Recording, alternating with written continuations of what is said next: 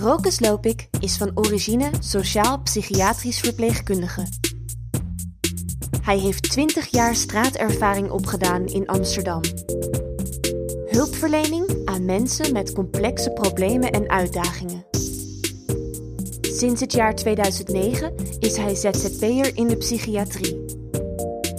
Noem hem wereldreiziger, dakloze specialist, professional, ervaringsdeskundige, kopkind, herstelcoach of trendwatcher. Het is hem om het even. Hij spreekt graag met alles en iedereen en doet daar via zijn podcast verslag van. Werken aan een wereld die werkt voor iedereen.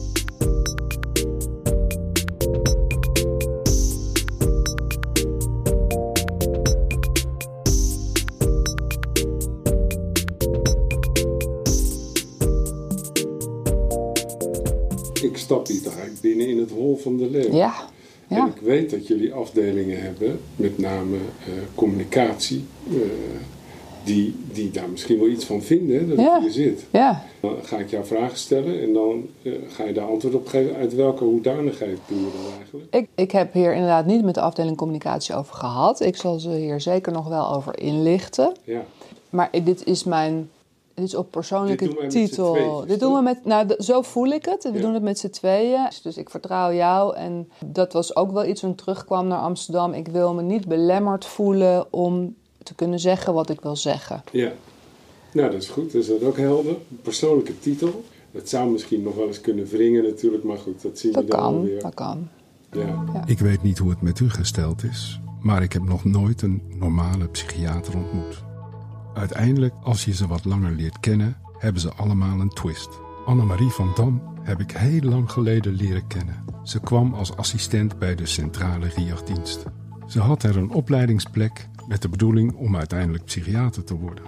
Ik hielp daar vooral de 5000 dakloze mensen die Amsterdam destijds rijk was. En ik leerde haar het vak van outreachend hulpverlener. We zijn elkaar in die 30 plus jaren nooit uit het oog verloren. Zo af en toe zien we elkaar. Vandaar dat ik het initiatief heb genomen om een nieuwe podcast te starten. Een podcast over prangende vragen aan een psychiater. Want die vragen, die zijn er genoeg. En het is belangrijk dat we er een antwoord op krijgen. Annemarie pretendeert een gemiddeld en normale psychiater te zijn. Ja, daar zit ik natuurlijk niet op te wachten. Want ik wil wel een bijzonder antwoord op die prangende vragen die ik heb. Dus ik ga haar uitdagen. En wie weet, wellicht heeft ze ook wel prangende vragen voor mij. Deze week ontmoette ik haar voor het eerst. En ik stelde haar een aantal vragen over de DSM-5. Oef, terwijl ik het uitspreek, krijg ik het al heel moeilijk. Ik ben benieuwd hoe Annemarie van Dam daarover denkt.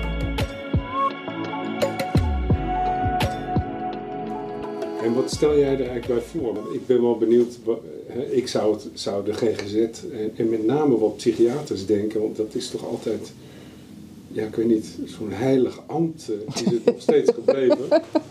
En eh, dus eh, ik bedacht me wel, god, wat zou uh, Annemarie daar dan aan ontlenen?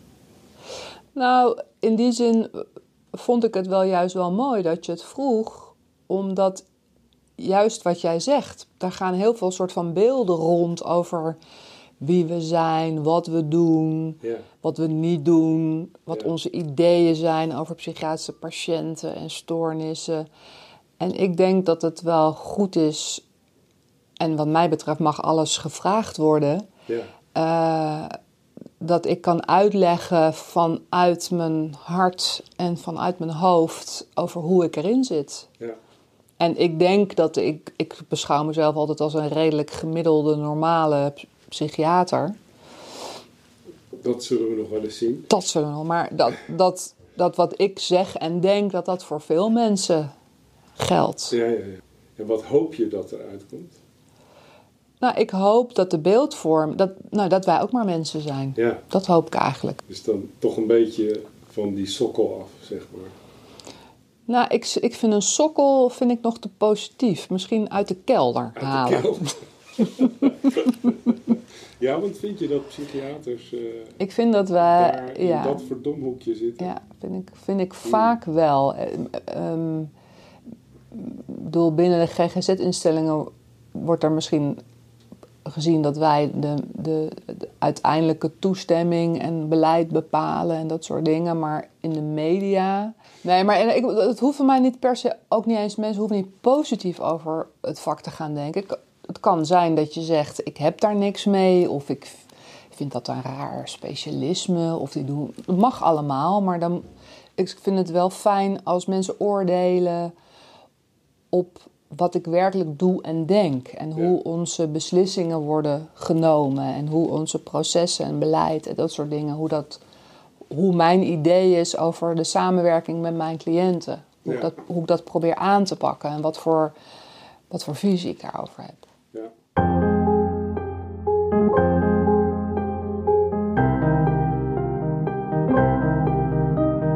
Ben je nog steeds gelukkig met, uh, met je ambt?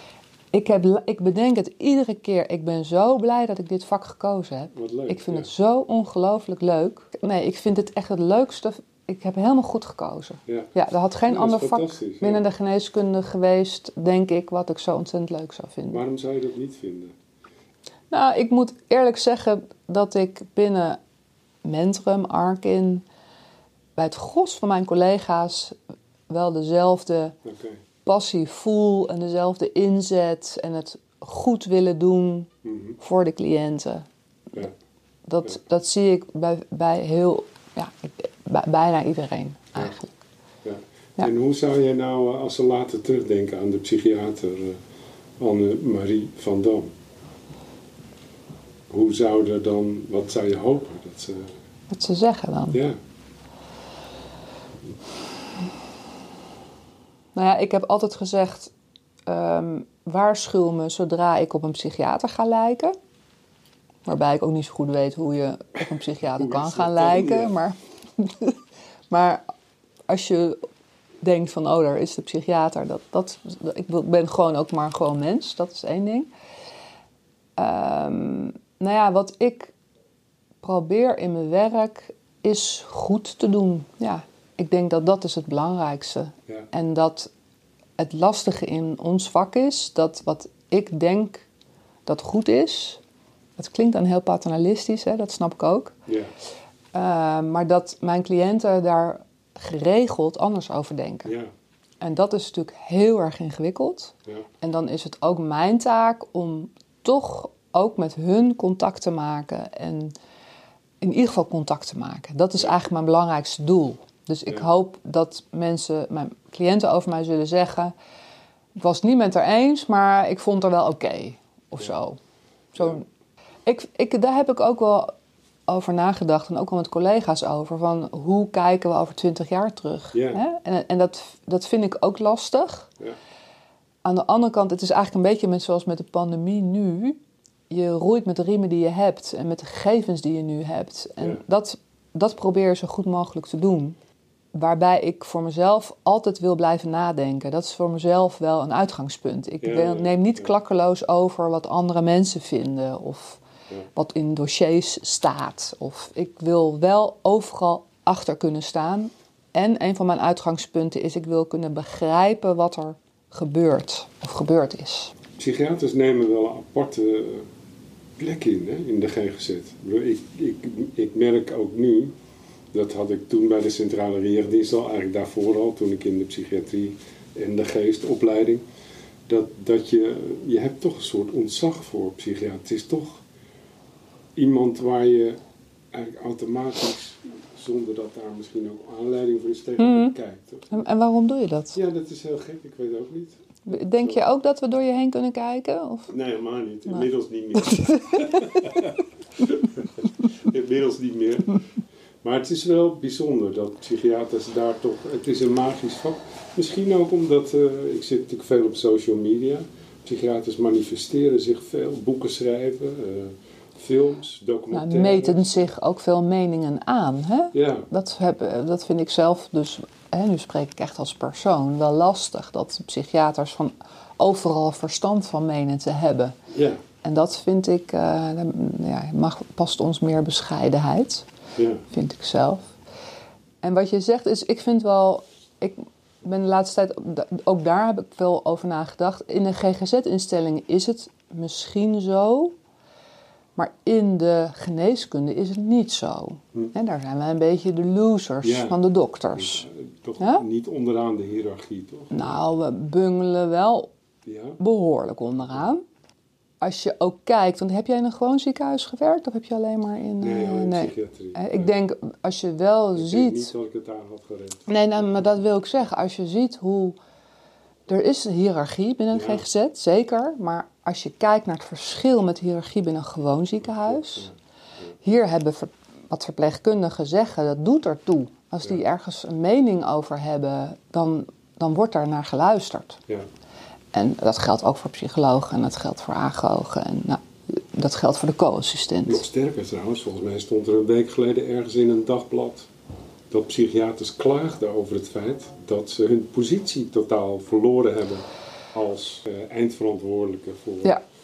En dat, ja, dat klopt, maar dat gaat meer richting een bedrijf, het, het bedrijf, de grote GGZ-instelling. Mhm. En dat is natuurlijk een groot verschil met een ziekenhuis. Daar heb je allerlei vakgroepen. Ja. En de vakgroep chirurgie bepaalt hoe zij hun operatietechnieken, hoe, hoe zien ze de nazorg. Ik heb mijn enkel gebroken gehad. Dan de, de orthopeed die dit heeft gedaan, die was voor snel mobiliseren. En dat bepaalt hij, dat bepaalt niet zijn raad van bestuur. Ja. En in een grote GGZ-instelling zie je dat de raad van bestuur bepaalt, samen met de, de directeuren, die bepalen de visie, waar gaat het bedrijf heen? Ja. Hè, wat voor dingen gaan we implementeren? En dat wordt naar beneden toe vertaald naar de werkvloer. En dan hoort de psychiater ook gewoon bij de werkvloer. Ja. Nee, absoluut. Dus ja. dat, ik denk dat, dat, het, dat de psychiaters daar het gevoel hebben dat, ze de, dat zij een soort uitvoerende persoon zijn. Hè? En dan gaat het over, je, je mag alleen maar, eh, je doet niet mee aan groepen, je mag alleen maar de, de medicatiecontroles doen. Ja. En dan, eh, dan krijg je dat soort discussies. En dat is dus net een andere dan wat je, waar jij het over hebt, dat de psychiater aan de top van de hiërarchie staat. Ja. Dat is, dan, het is, dat is meer binnen de werkvloer. Ja, het blijft mij intrigeren. Ik volg natuurlijk veel psychiaters op social media. Tegenwoordig kan je eigenlijk geen tv-programma of een magazine of krant openslaan. Of Jim van Os, eh Damien Denis, Bram, Bram Bakker, Bakker. eh, Dirk de Wachter. Nou, eh, dat zijn wel de, Ja. de stars van de... Ja, allemaal mannen, hè? Allemaal mannen ook nog. Ja. Ja, ja. Ik, eh, ik be- ben ook wel eens gevraagd, overleg ook wel eens met programma's, maar dan, ik ben te genuanceerd. Dat is niet wat ze willen. Nee, nee. Oh, wat jammer. Ze willen mensen met een mening. Een hele Ja, duidelijke. dat wil ik eigenlijk voor deze podcast ook wel. Ja, ik heb wel een mening, maar wel een genuanceerde mening. Ja, nee, ja. begrijp het. ja. Ja. Ja. Maar misschien kunnen we dan, eh, want zo'n andere ster, dat, eh, ik heb het net even opgezocht. Mensen zijn ingewikkeld, dus stap af van de labels in de GGZ. Artikel, eh, een interview met Floortje Schepers, hoogleraar. Ja. En ik ben wel benieuwd naar jouw mening daarover. Want het gaat over de DSM-5. Iets waar ik overigens vroeger ook ontzag voor had. En dat was het alleen maar om tijdens het ochtendrapport van de centrale RIA-dienst een nummer en een diagnose op te kunnen hoesten van iemand die ik de dag daarvoor gezien had. Even kijken. Want waar, mij, ja, waar, waar ik nu natuurlijk geïnteresseerd ben, hoe, hoe zwaar weeg jij die DSM-5? Want zij zegt het is eigenlijk onzin. We moeten er vanaf. We, we stigmatiseren mensen ermee. En veel eh, psychische klachten zijn variaties op eh, Ja. dat wat het leven heet. Ja. Wat mensen. Dat is ook zo. Nou ja, ja dit, dit, dit wordt dus weer een genuanceerd antwoord.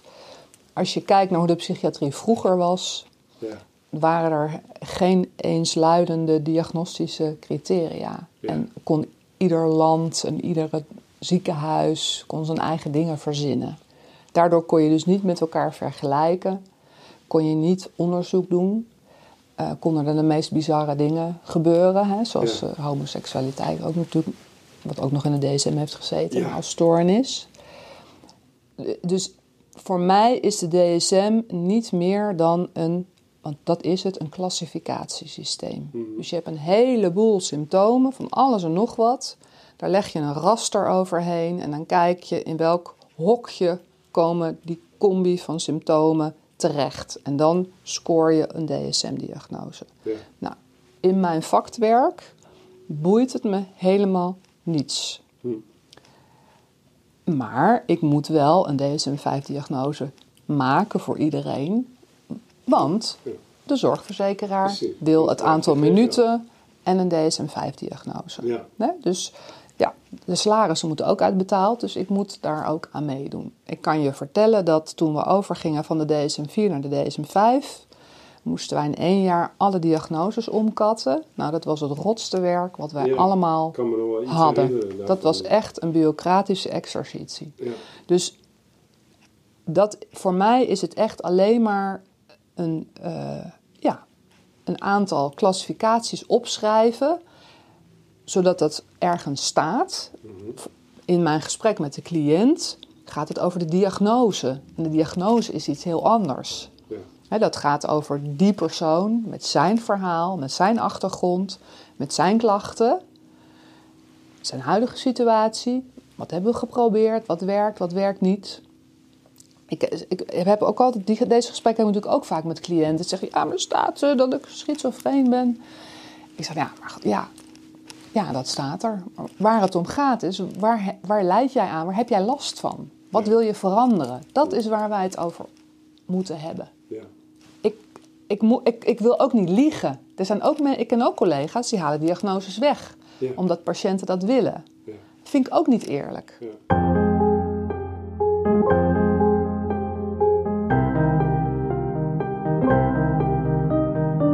Ja, ik, ik vind dat. Dat snap ik. Maar als je door middel van. Want ik zie het dan toch als liegen. Probeert Mhm. contact te maken, vind ik niet fair. Ja. Ik zeg, het is een kwetsbaarheid om psychotisch te worden. ja, dat klinkt al heel anders. Hè? Zo leg ik hem uit. Ja. In Amerika eh, heb ik, ik kom daar natuurlijk veel en ik heb er veel vrienden in de peer movement. En die gebruiken de term altered states. Ja, Ik vind dat eigenlijk heel, eh, het, waarmee ik overigens niet wil eh, romantiseren, een psychose, want dat is helemaal niet eh, nee. fijn, leuk of prettig. Maar en wat, waar ik moeite mee heb is, kijk, jij stelt die diagnose en vervolgens trekt iemand de wereld in. Mhm. En dan, dan gebeurt er iets waar jij eh, op het moment dat je die diagnose stelt weinig invloed op hebt. Want vervolgens gaan heel veel onwe- onwetende mensen aan de haal met wat jij daar eh, aan de zorgverzekeraar hebt doorgegeven. Namelijk, de term schizofrenie Mhm. is al even gevallen.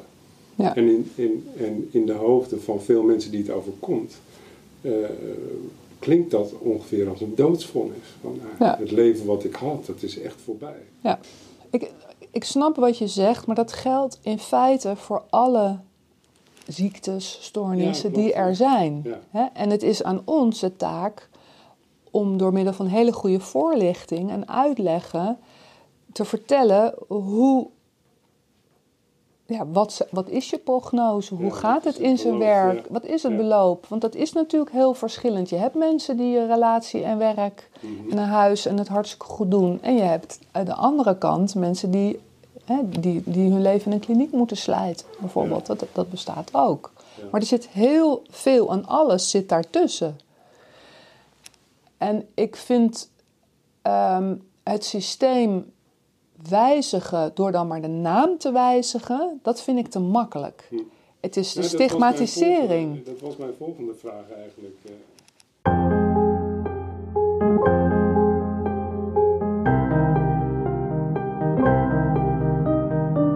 Stel je nou voor dat eh, de overheid morgen zegt, nou eh, mevrouw Van Dam, we hebben nog eens naar die DSM-5 gekeken, maar we gooien hem vanaf vandaag in de prullenbak. En, eh, en ik weet niet wat voor cijfer eh, de ziekte schizofrenie heeft in de DSM-5. 295.9. Oh ja, ik was het vergeten, maar daar is hij weer. 295.9. Maar we noemen het vanaf vandaag eh, altered state. Ja. Zou je daar eh, mee kunnen leven? Het maakt mij niet uit. Het maakt mij niet uit hoe je het noemt, ja. maar het is een fake oplossing. Want vervolgens gaat iedereen met de, de diagnose Hm. altered states. Dan denkt iedereen, oh, dat zijn die types. ja. Dus het gaat, het gaat meer om het, het, gaat om het stigma. En het stigma op psychiatrische aandoeningen, Mhm. daar moeten we wat aan doen. En, en want En wat doe jij daar? wat doe ik eraan? Ja, dat is een hele goeie. Door, ehm, ehm, door wel openheid te geven uh, over mijn eigen uh, klachten, mindere episodes, die van mijn naasten. Hm. In ieder geval aan mijn vrienden, ja. hè, om mijn mensen om me heen. Uh, en waar ik kan, maar ja, ik, ik begeef me niet in, nou ja, zoals je wel een beetje op social media, maar niet heel erg. Ja. Um, vanaf vandaag wordt het anders. Vanaf vandaag wordt het anders. Nou ja, door wel, hè, als er ergens, ik ben nu bijvoorbeeld een boek aan het meelezen en als er dan staat schizofrenen, dan zeg ik nee, het zijn mensen met ja. schizofrenie. Hè? Dus ik probeer wel nou ja, dat soort kleine dingetjes ja. aan mee te helpen. Te wijzen dat het anders kan. Ja. Ik denk dat ik vind het zelf prettig om op een rustige manier te kunnen uitleggen waarom ik denk dat die DSM-5 wordt overgewaardeerd. Het wordt genoemd diagnose. Het is geen diagnose, het is een klassificatie. En je hebt het nodig nu ook voor onderzoek. Als je onderzoek doet, dan moet je weten dat je dezelfde soort groepen mensen mhm. includeert in zo'n onderzoek. Nee, ik, ik, ik heb er nog steeds moeite mee. maar dat zal je niet verbazen, gegeven uh, de zijpaden die ik bewandeld heb sinds, uh, nou ja, dat doe ik eigenlijk al heel lang. Maar goed, ik had er vroeger al in ons team uh, forse discussies over, over die diagnose. Maar ik, het geldt voor alle, ik bedoel, ook mensen met een borderline persoonlijkheidsstoornis, hè, die, die, daar geldt hetzelfde voor. Ik bedoel, dat het,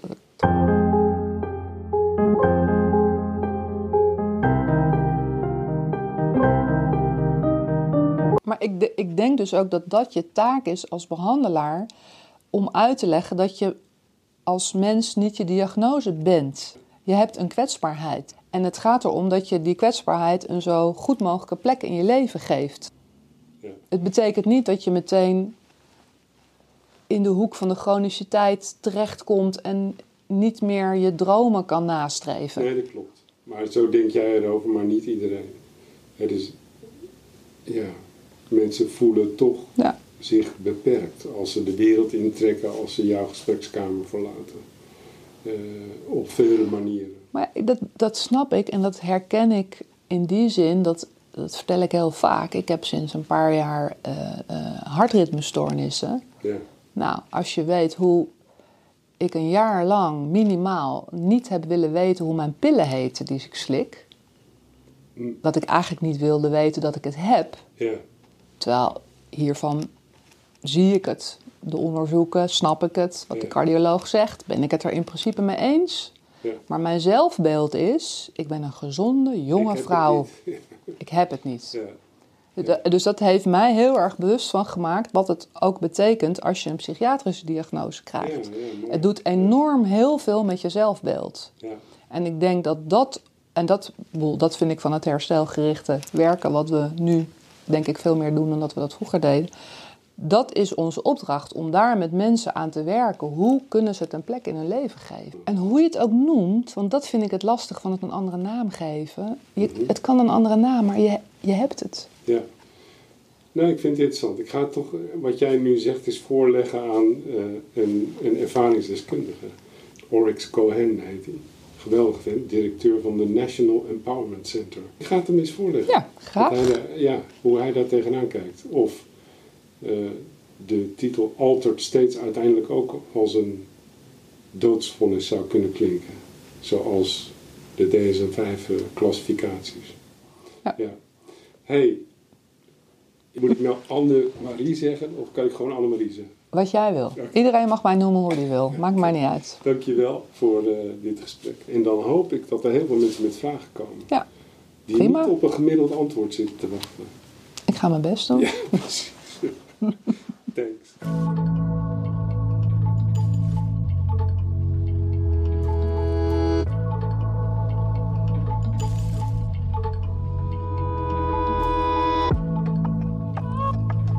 Aldus Annemarie van Dam in deze eerste aflevering van de podcast De Psychiater Doorgezaagd.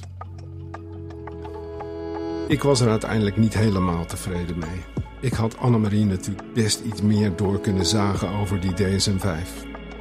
Daarom heb ik die afspraak in de podcast om een aantal ervaringsdeskundigen te bellen en hun naar hun mening te vragen gestand gedaan. Ik ga deze maand dus weer op bezoek bij Annemarie van Dam en ik ga haar die reacties voorleggen. In de hoop dat we haar mening over die DSM-5 toch nog iets bij kunnen stellen. Want ik heb er een hekel aan. Mensen in vakjes stoppen. En daar gaan deze gesprekken met Annemarie tenslotte allemaal over. Bedankt voor het luisteren en tot de volgende podcast. De psychiater doorgezaagd.